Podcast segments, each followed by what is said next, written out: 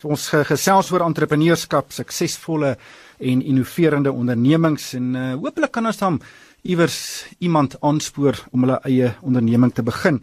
Nou ek het 'n paar weke gelede 'n brief ontvang van 'n voornemende entrepreneur wat 'n hele paar belangrike vrae gevra het oor 'n baie belangrike onderwerp.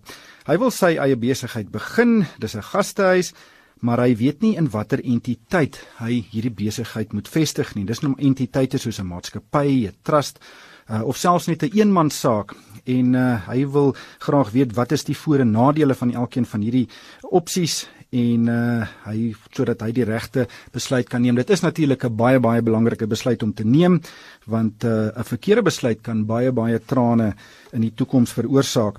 Martin de Kok van Escar is saam met my in die ateljee en ek gaan met hom daaroor gesels. Hy's 'n CA en hy werk al baie baie jare met entrepreneurs. Maar nou gaan ons eers luister na 'n baie spesiale entrepreneur wat ek dink nog baie diep spore in die vermaaklikheidsbedryf gaan trap. Sy is Ntokozo Mbuli en sy het verlede jaar 'n besigheid begin. Dis 'n produksiehuis wat televisieprogramme vervaardig. En ek dink baie luisteraars sal haar ken. Sy het voorheen 5050 aangebied, um, maar sy volg nou haar droom om haar eie onderneming te bedryf. Ek het vroeër met haar gesels, luister 'n bietjie na die passie wat sy vir haar onderneming het. Saam met my in die ateljee is Ntokozo Mbuli, sy is die stigter en mede-eienaar van Sugar Bean Pictures. Luisteraars sal haar onthou as een van die aanbieders van 5050. Nou Sugar Bean Pictures is 'n produksiehuis wat onder meer televisieprogramme, films en ander visuele produksies vervaardig. Ntokozo, welkom by die program. Watter programme het julle al gemaak? O, oh, baie dankie, baie dankie. Die maatskappy is 1 jaar oud, so ons het baie konsepte gemaak, maar nie soveel produksies nie. Ons fokus is opvoeding, nasiebou en die viering van ons kulturele en natuurlike erfenis. So ons doen meestal nie fiksieprogramme.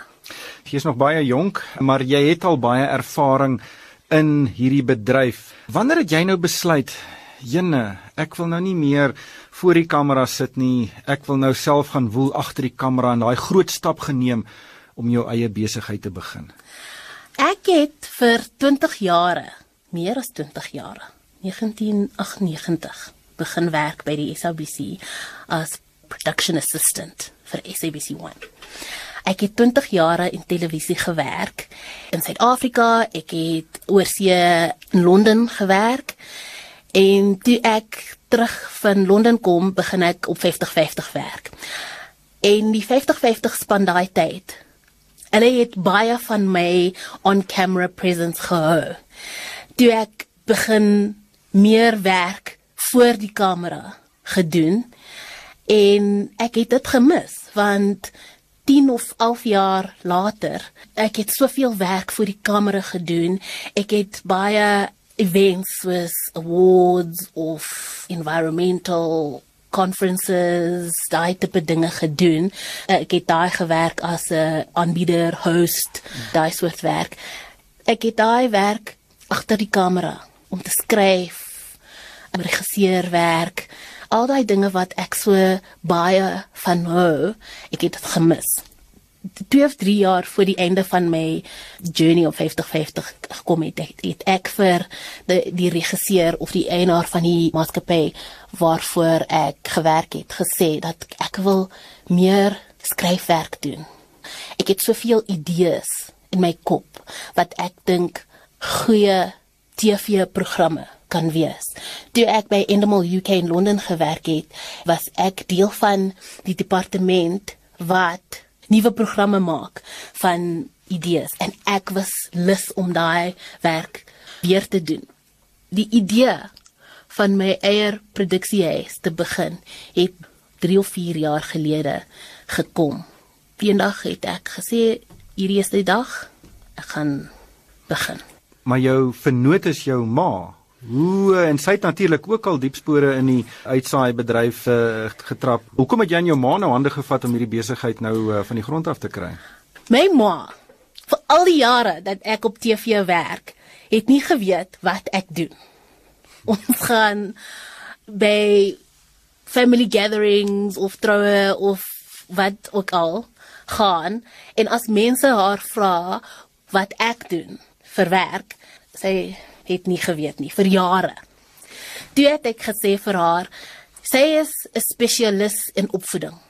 Sy was die deputy chief education specialist vir die departement jare gelede. Dan het sy 'n besigheid begin waar sy boeke skryf, ECD development werk doen.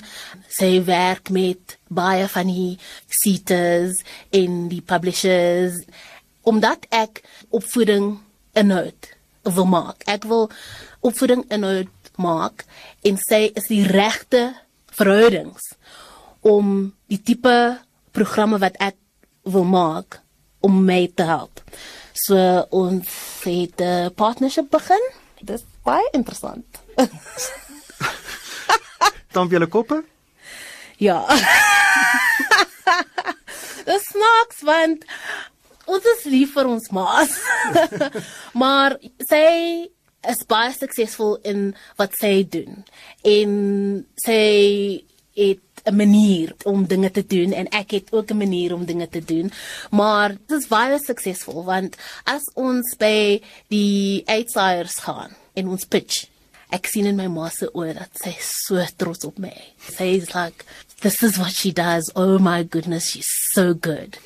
And that for me has been very fulfilling. Dis nie 'n maklike bedryf nie. Hoe dit basies werk is jy kom met 'n 'n voorstel program voor 'n dag en dan gaan jy na 'n uitsaaier toe en sê luister, ek wil 'n program maak oor A B en C, sal julle dit by my koop as ek dit gemaak het? Hoe maklik is daai proses en hoe gereedelik gee die uitsaaiers nou vir jou die groen lig en, en ek ek dink meer belangrike check om dit te doen? Dit is 'n baie moeilike proses.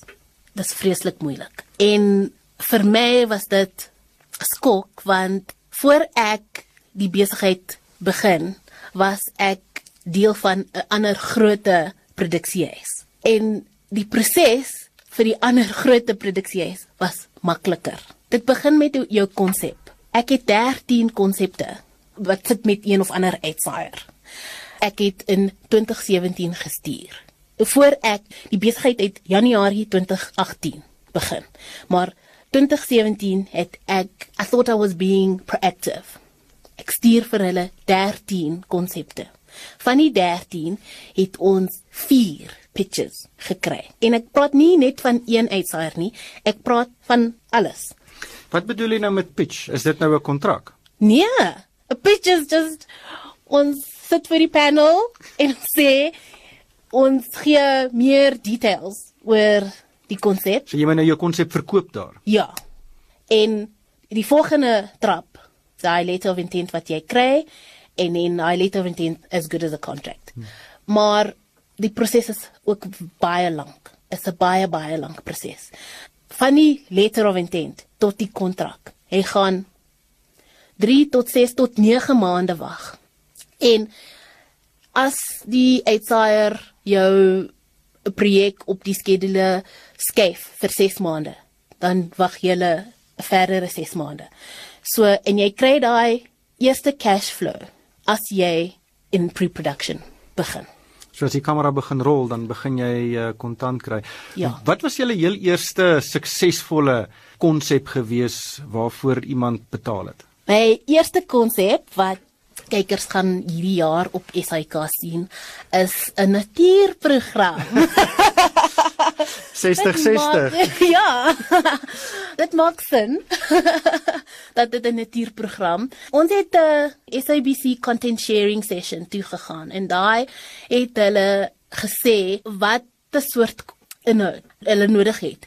En een van die programme of tipe programme wat hulle nodig het was um nature programs. Hulle het gesê, "Please, we need more nature programs. We've got 50-50 on air, but 50-50 viewers are always asking for more of that kind of program." Dit was my eerste konsep wat ek geskryf en gestuur vir die SABC en hulle het vir my die groen lig gegee.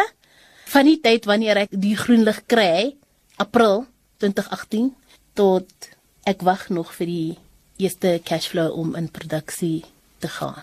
Maart op die lig wees of Julie of Oktober, maar hulle het die thumbs up gegee so Maar meeste klein ondernemings sukkel die eerste jaar of wat om 'n uh, vastrap plek in 'n mark te kry. Daar is baie mededinging in hierdie bedryf. Is dit maar 'n geval van kry die eerste een en dan sal die tweede een kom en kry die tweede een en sal die derde en die vierde een kom? Is dit maar hoe langer jy in die bedryf is en hoe meer grys hare jy het, hoe meer suksesvol gaan jy wees? Ja, ek dink as jy daai eerste een doen en hulle gaan sien die kwaliteit van die tipe program dat jy maak, is dit makliker om vir julle die tweede een kry of die derde of die vierde. En partykeer gaan hulle vir 'n produksie sê, ons wil hierdie soort program hê in 'n kort tyd. Ons weet julle is goed, julle doen die beste. Kan jy asseblief dit vir ons doen? As jy daai reputasie kry, maak dinge baie makliker vir jou.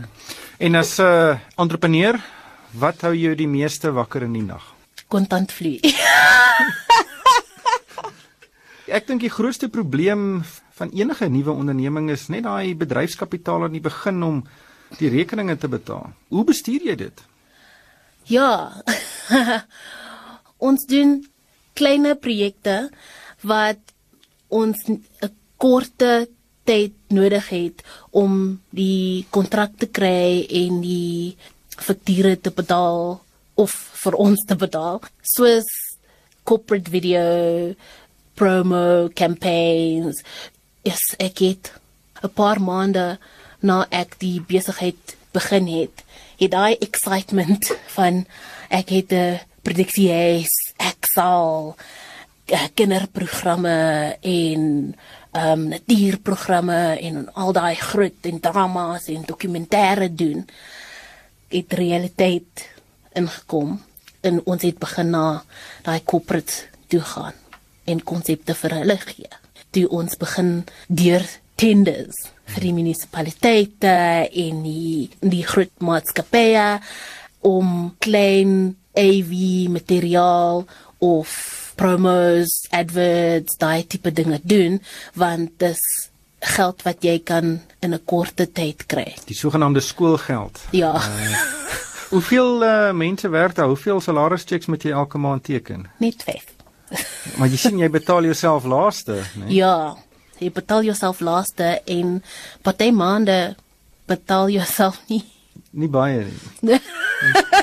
Sê Sugar Bean Pictures, waar het julle aan die naam gekom? Toe ek swanger was, na die dokter toe gegaan. Die eerste scan van my baba was hy die, the size of a sugar bean. Die dokter het gesê your baby is the size of a sugar bean. And through my whole pregnancy het ek my baba sugar bean genoem. En party mense noem hom nog sugar bean. Vir my was it was obvious. Want as my ma, she's my partner, she's my grandmother to my son, so yeah. Luister, Ntokozo baie baie sterkte met die toekoms. Dis baie moeilik om 'n suksesvolle besigheid in Suid-Afrika staan te maak. Ek hoor die passie, maar uh, baie sterkte met die toekoms en ek uh, seker ons gaan weer gesels. Baie dankie. Dit was Ntokozo Mbuli, sy is die stigter en mede-eienaar van Sugar Bean Pictures werklike inspirerende storie. Maar nou gaan ons 'n bietjie meer tegnies gesels. Martin de Kok van Eskar is saam met my in in die ateljee. Goeiemôre Martin. Môre, reg môre luisteraars. Wel ek het 'n taamlike lang brief van 'n luisteraar ontvang. Uh, die persoon wil 'n besigheid begin. Dit is 'n gastehuis iewers in die platteland, uh, maar hy weet nie in watter rekeningkundige entiteit om hierdie besigheid te vestig nie. Hy hy wil graag weet uh, waarin moet hy dit doen? 'n Maatskappy, 'n besigheidstrust of sommer in sy eie naam.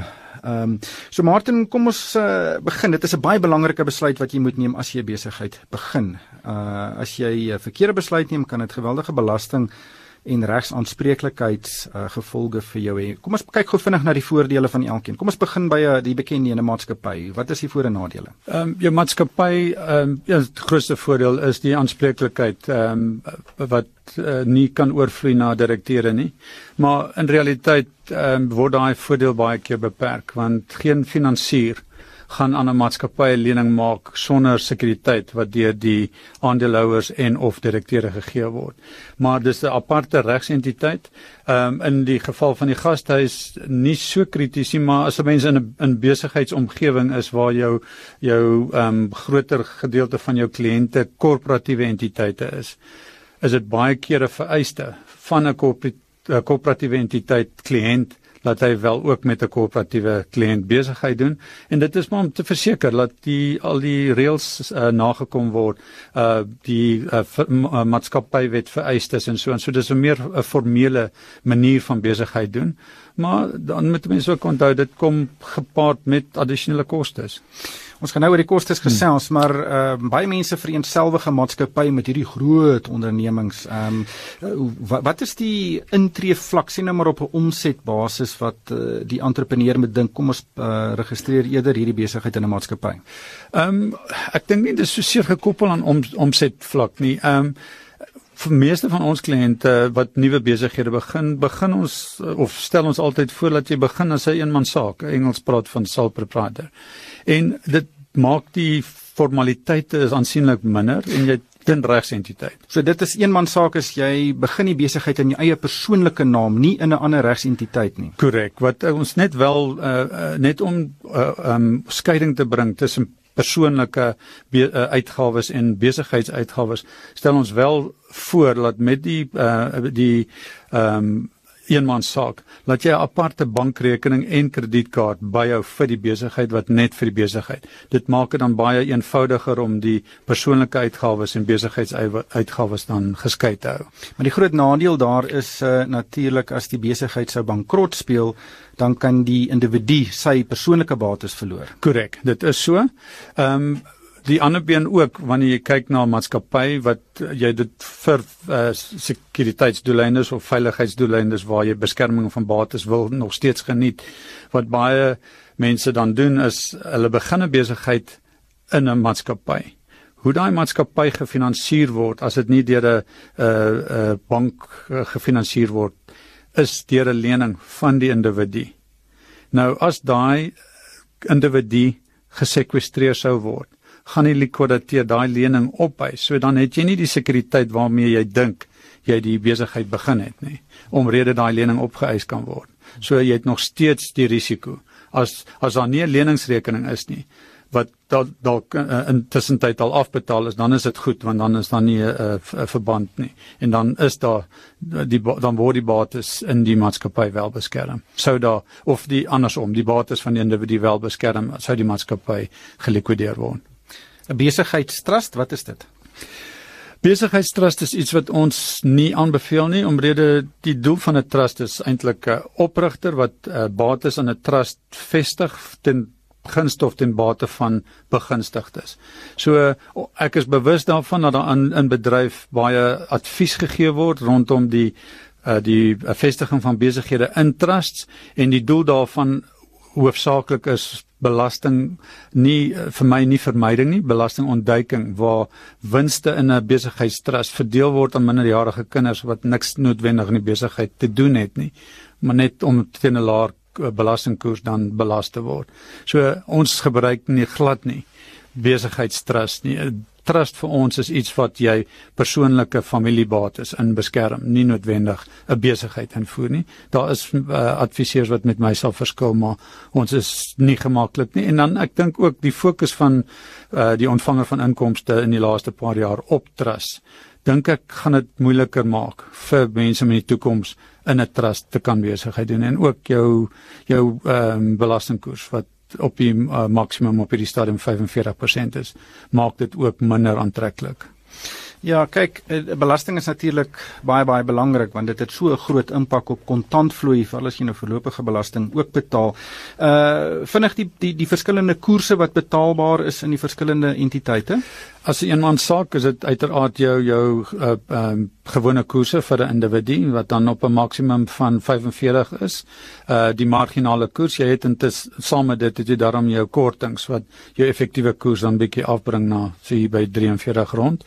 Dan vir 'n maatskappy en 'n beslote korporasie wat jy nie nog nou nog kan oprig nie maar bestaande BKs is daai koers 28%. Hou wel in gedagte dat daai 28% is op die winste in die maatskappy sodat dividende verkeer word, is daar addisionele weerhoubelasting van 20% op daai dividende. So mense moet kyk na beide want dit is effektief jou jou belasting wat die wat in totaal betaal word in die maatskappy en dan by 'n trust is dit dan die 45%. Daar is spesiale trusts waar wat weer eens ander reëls het en die spesiale trust word as 'n individu uh, belas. Ja.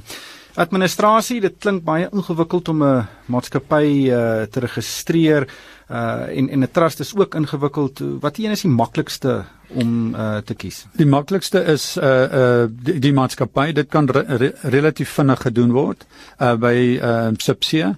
Ehm um, jou probleem wel met die maatskappy is dat jy wel 'n naam kry wat jy kan gebruik want jy moet eers 'n naam reserveer maar as jy ehm um, die nuwe maatskappywet eh uh, uh, en prosedures by Subsie dit moontlik gemaak dat jy omtrent binne 'n dag se tyd 'n maatskappy kan registreer, maar net met 'n nommer as jou naam. Maar dis moeilik om met 'n nommerhandel te dryf.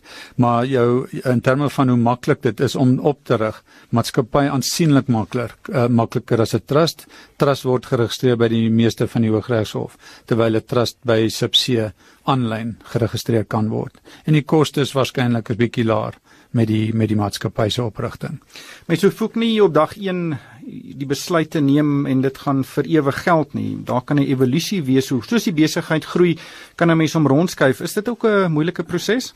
Ehm um, nee, uh, wat uh, in in terme soos ek reeds genoem het, uh, wanneer uh, nuwe entrepreneurs begin met besigheid, stel ons gewoonlik aanvanklik voor dat hulle dit as 'n eenman saak bedryf en soos die besigheid groei, is dit nie 'n probleem om op 'n latere stadium 'n maatskappy op te rig en die besigheid aan die maatskappy te verkoop nie. Uiteraard gaan jy vir daai opbrengs wat jy kry vir jou besigheid, gaan dit onderhewig wees aan kapitaalwinsbelasting want jy het 'n wins gemaak uit die verkoop want jy waarskynlik begin met 0. En dan om dit dan te verkoop aan die trust skep ag aan die trust skus aan die maatskappy skep jy ook 'n leningsrekening wat ehm um, soos daar kontant gegenereer word in die besigheid sal daai delging van daai leningsrekening nie onderhewig wees aan aan belasting nie. Een entiteit waaroor ons nie gesels het nie is 'n vennootskap. Uh, hoe werk 'n vennootskap? Vennootskap is basies eh, ehm uh, um, twee of meer uh, individue wat saam in 'n vennootskap werk. Jou jou groot risiko met 'n vennootskap is dat elke vennoot is gesamentlik en afsonderlik aanspreeklik vir skuld in die in die vennootskap. So as een van jou vennote sou roekelose uh, roekelose skuld maak uh, ten behoewe van die vennootskap, dra al die vennote eweveel aanspreeklikheid vir daai skuld. So dit is jou grootste risiko. Ander risiko ook is sou een van die vennote te sterwe kom beëindig daai vennootskap. So dan indien daar 'n nuwe vennoot bykom, word 'n nuwe vennootskapsooreenkoms basies uh kom dit uh, tot stand. In terme van belasting word elke uh, vennoot afsonderlik belas op die inkomste staat. Net laastens uh, is 'n vraag oor 'n beslote koöperasie of 'n BK. Uh, die wet het natuurlik verander dat daar nie nuwe BK's geregistreer kan word nie, maar uh, ou of, of bestaande ondernemings in daardie vorm bly BK's. Uh, wat is die situasie nou daar? Ehm um, 'n BK word uh, um, amper dieselfde hanteer as 'n maatskappy. Hy het wel nog die vereiste om te voldoen aan die uh, wet op uh, beslote korporasies. So hy moet 'n rekenkundige beampte aanstel hou ook in gedagte jou jou lede van 'n BK is nie aandeelhouers nie, dis lede en daar's 'n beperking op 10 as maksimum lede in in 'n BK. Maar verder word dit baie dieselfde hanteer as 'n maatskappy. Ongelukkig het die tyd ons ingehaal. Martin, baie dankie dat jy ingekom het en uh, so lekker gesels het oor die sake entiteite wat uh, entrepreneurs uit kan kies. Baie dankie, Rein. Dit was Martin de Kok, hy's van Esker en uh, 'n potgooi van hierdie program sal 'n bietjie later op die RSG en Moneyweb webwerwe beskikbaar wees. Luisteraars is welkom om vir my 'n e-pos te stuur. My adres is ryk@moneyweb.co.za. En daarmee met ek groet van myself ryk van die kerk. Dankie vir die saamluister.